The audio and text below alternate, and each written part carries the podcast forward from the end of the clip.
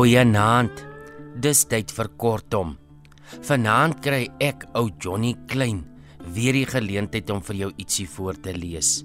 Hannes Stander is vanaand se skrywer en ek lees vir julle sy storie Oom Kapel se laaste reis. Dit het vir die eerste keer in die keur van 6 Julie 1990 verskyn en ook in die tydskrif van letterkunde van 4 November 1993. 'n Storie uit Boesmanland toe motors nog net te gerig en spooke nog harig was. Geniet dit saam met my.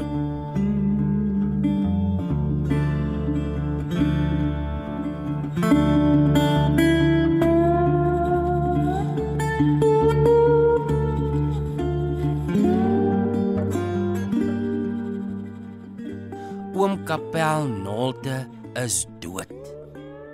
Nuus versprei vinnig hier in Boesmanland. Dit rol as ware soos Augustus maand se rolbosse van plaas tot plaas tot in die dorp. Toe Koos loods laatmiddag met sy donkiekar die doodstyding bring, het die ganse dorp dit al geweet. Maria Iman het opnuut bedroef die leë melkemmer neergegooi en huilend die straat afgehardloop. Letty, haar sinnelose dogter, agterna. Oom Kapel is afgesterwe aan die hart. Hy's nou by voorheen se mense. Het Koos uit asem geroep so ver hy gery het. Dit was 'n groot oomblik vir Koos. Die doodstyding is 'n verantwoordelikheid en hy het gevoel hy is daarvoor bevoeg. Johannes Troms graf het nie verniet vir hom uitgesonder vir die taak nie. Oom Kapellus afgesterwe, het Maria gehuil skree so ver sy gaan. Ondanks haar moeisame draffie het Koos gesukkel om by te bly. Die frustrasie het vlak in hom kom lê. Het die vrou dan geen respekte nie? Dis mos sy werk die. Die son was al agter die rande toe hy die donkies voor oom Piet Olivier se huis tot stilstand bring. Oom Piet is 'n kerkman en 'n man wat Sondag voorsit en insit. Hy sou die reëlings vir oom Kapel se bære slag tref. Oom Kapel het geweier om onder dieselfde kuiings as Vlam Hugo te lê. Op die dorp wou hy lê en so sou dit wees. In die poorte het hom Piet geprewel terwyl hulle buite die huis gesit het. Hoe gouer ons hom stuur, hoe beter. Oom Piet sou die begrafnis reël vir Saterdag. Die Karoo son laat nie op hom wag nie en om kapel wil op lê. Koos moes vir oom gaan haal. Die kus was reeds gereed in die ou hoenderhok op die plaas. Oom was mos lank met die hart in die bed en die mense kon gereed maak. Koos het beloof om die volgende dag vir oom dorp toe te bring sodat die mense Saterdag kon begrafnis hou. Dit pas goed het hom Piet gesê. Dit is Sondag nagmaal en boonop is die akkerbaat ongedierte mense hier. Ons gaan 'n mooi bære. Bring jy net vir kapel. Die begrafplaas se sipresse het so swart kersse teen die laaste lig gestaan. 'n Yskoue rilling het langs Koos se murg afgekruiwel.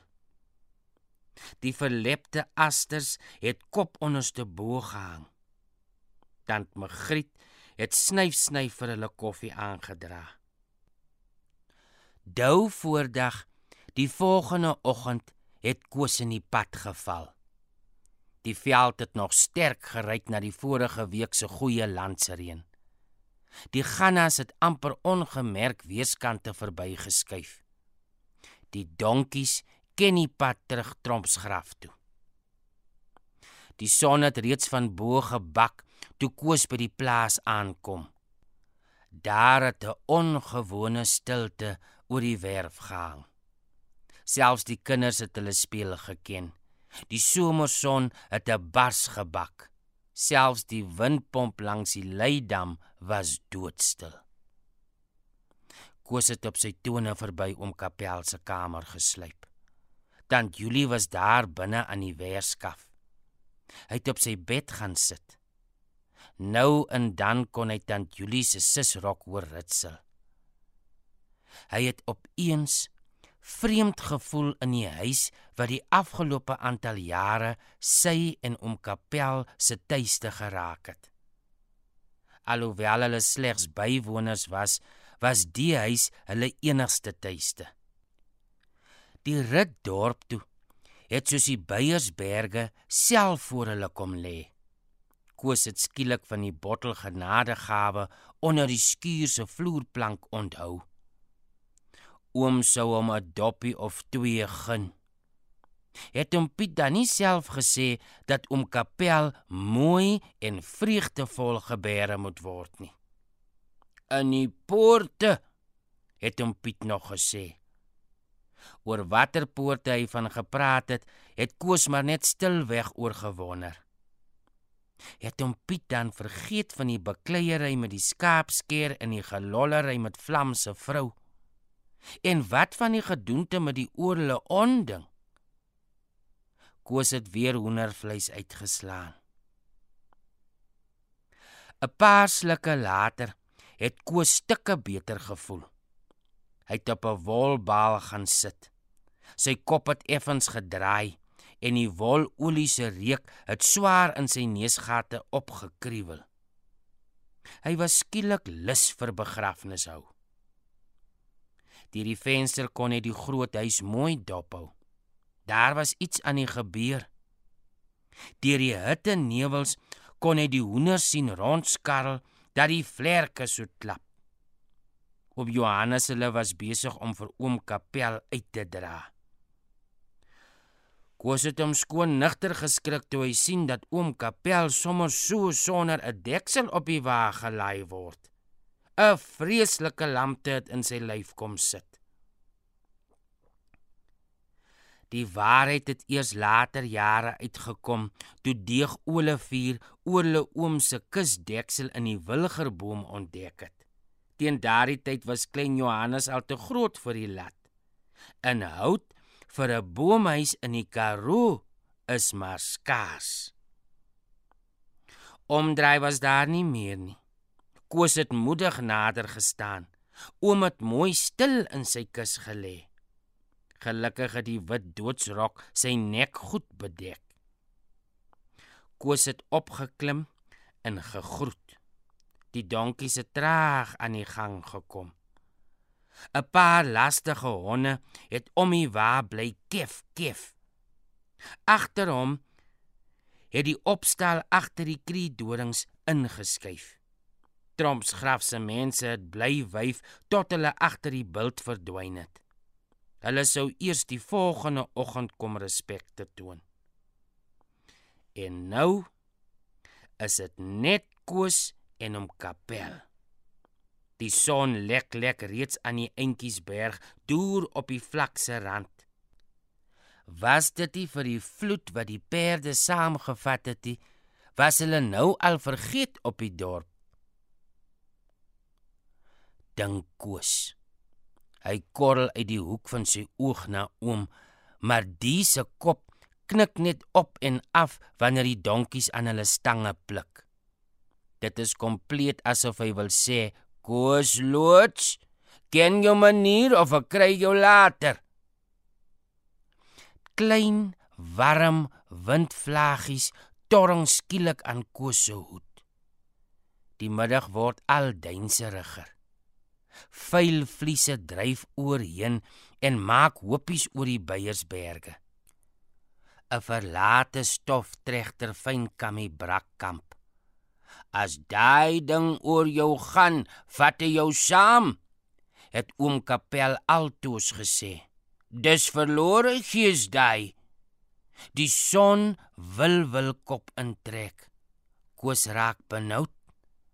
Hy wou vir oom nog voor donker oor die Beiersberge hê, maar kyk net hoe laat die Here se ryperd hom vandag in die steek. Toe Koos die eerste skurwe randjies van die Beiersberge aanpak, is dit al sterk skemer. Hy bemerk skaars die kannie dood en kankerbosse rooi blomme. Sy gedagtes bly maal om oom hier agter en wat met hom en David Spuitpoort gebeur het. Toe Koos verby Gemsbokfontein se afdraai ry, voel dit kompleet of oom vir hom loer. Hy kyk vinnig om, maar sien net 'n amper vol maan in die verte wieg. Oom lê nog mooi stil. Koos se gedagtes hardloop nou wye draaie. Vir oom Kapel het hy meer as net respek te gehad. Hy was nou sommer publiek bang vir hom. Die ou man kon jou so middeldeur kyk. Hy was so skerp so skaapskeer, so waar en dan het hy die aardige merke om sy mangels gehad. 7 jaar onder die oorle onding is 'n vreeslike lyding. "Hit jou satan!" gil Koos toe die donkie skielik halstarrig ruk. "Ken 'n manier of ek slaan dit vanaand in julle in?" "Kok kok!" skree 'n korhaan toe dit van agter 'n asbos uitvlieg. Koos leen bewerig terug. Teen die grensdraad staan 'n paar dorpers en kou. Die Christene onder die diere dink hy. Skaap is saghartig, maar bok, hy's 'n satan. Hy skop in een mis met die tokkelos en die loop ernstig hier rond. Dit was 'n vreeslike ding wat oom oorgekom het. Die mense tot in Vosburg en Karnaval daarvan gepraat. Oom was nog 'n jong man toe hy die dag tussen Stamvlei en Son daar op die Beiersberge 'n papwiel kry. Dit is toe net daar wat die ding hom oorgekom het. En die merke aan sy mangels het hy nou nog soos hy nou koud in sy kus lê die oorle onding is 'n satansding. Hy maak versoekings veral met mense wat hulle siele verwaarloos. Net een mens het egter vir oom Kapel durf vra wat met hom bo in die Beiersberge gebeur het. David Spuitpoort. Skiertyd was pas agter die rug en daar 'n springbok in die kalkkamp geskiet. Die vuur het alkohol gemaak en die dop het getrek.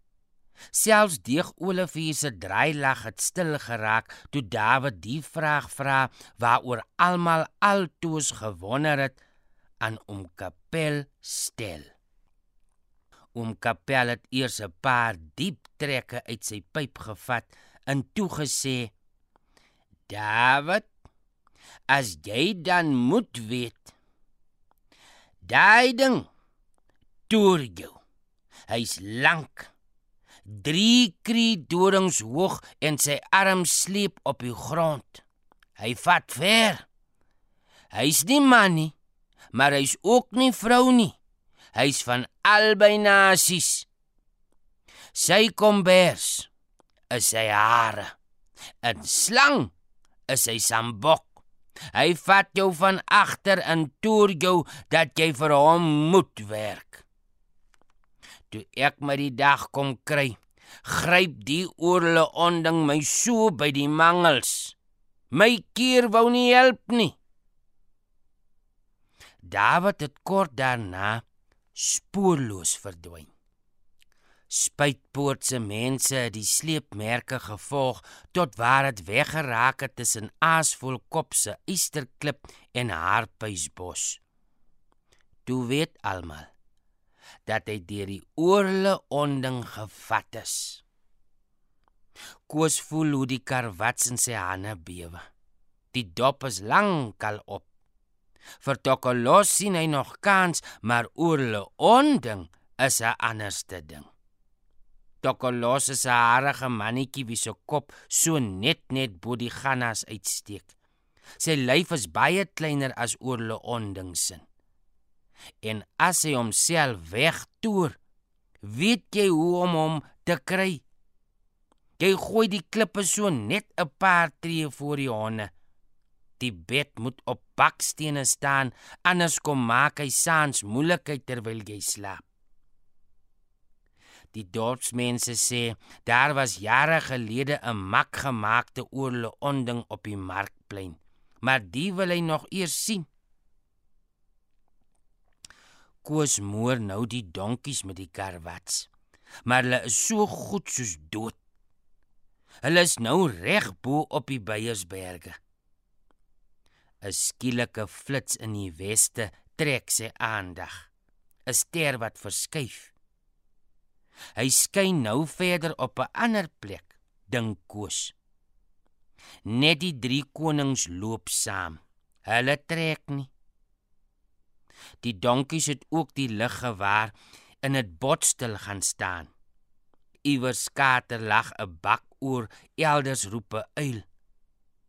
Agter asvoelkop se kraanse kan koos reeds die nuwe dag se lig gewaar. Verder is alles stil. Koos voel hoe om kapel om aanstaar. Hy draai stadig om. Die maan bars skielik deur die wolke. Dan kyk Koos vas in om kapel se wrede oë wat hom nou stip aanstaar. Koos se gille laat 'n verskrikte eystervark onder 'n bos uitpeel en tussen die donkie se bene in hardloop. Met 'n jammerlike gebalk kom hulle aan die beweeg. Die waar ruk gevaarlik, maar wat klou is koos. Sy gille weer galm in die kolwe af. Die wa hardloop al hoe vinniger en vinniger. Van die nagmerrie rit kon Koos later nie veel onthou nie. Net dat hy by Dom Pietersfontein 'n perkar verbygesteek het. En toe hy op 'n stadium soos die profeet die draaie lig langs gesny het. Toe Koos die dorp injag, sien Bimpie Olivier dadelik iets vreesliks moes gebeur het. Koos lyk kompleet nie mens nie in die donkies hardloop dat die skuim in salpeter so spat. Haar geskree bring die diere tot bedaring. Gou versamel 'n see van gesigte rondom die doodskaar. Koos sit daar soos 'n lijk. Hy sukkel selfs om te bewe. Dit is eers toe oom Piet langsom kom staan dat hy tot sy sinne kom. Waar is Kapel? wil die vir die soveelste keer weet. Koos draai stadig om. En so waar. Agter op die kar lê die kus op sy sy. En oom van dies daar geen tyd of teken nie. Vir Koos is dit die laaste strooi. Hy dop om en val van die wa af. Was dit nie vir Maria Human se groot boesem nie, was sy nek sweerlik mos af. Heel wat versterk water later word Koos uiteindelik ooreed om saam met die mans vir oom te gaan soek.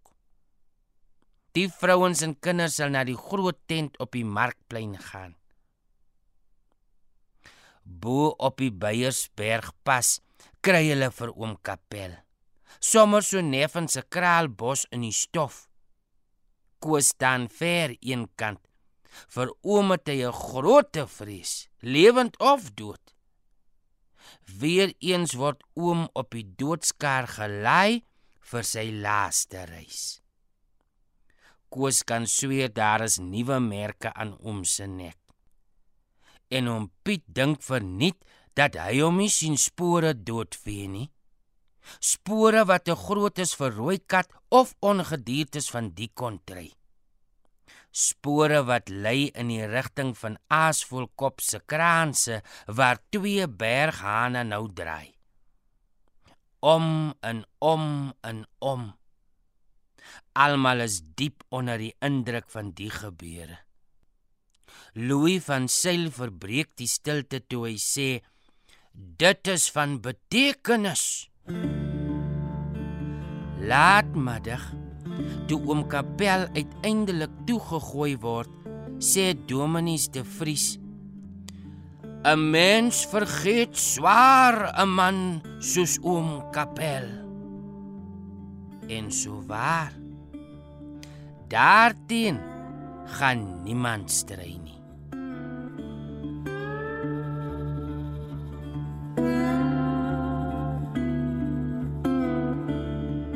Dit was dan oom Kapel se laaste reis. Dr. Hannes Stander, baie dankie dat ek jou storie kon voorlees. En Leonie Stander, dankie dat jy dit by my uitgekry het. Ek glo jy as luisteraar het dit net so baie soos ek geniet. Ek groet jou tot 'n volgende keer. Pas jou op.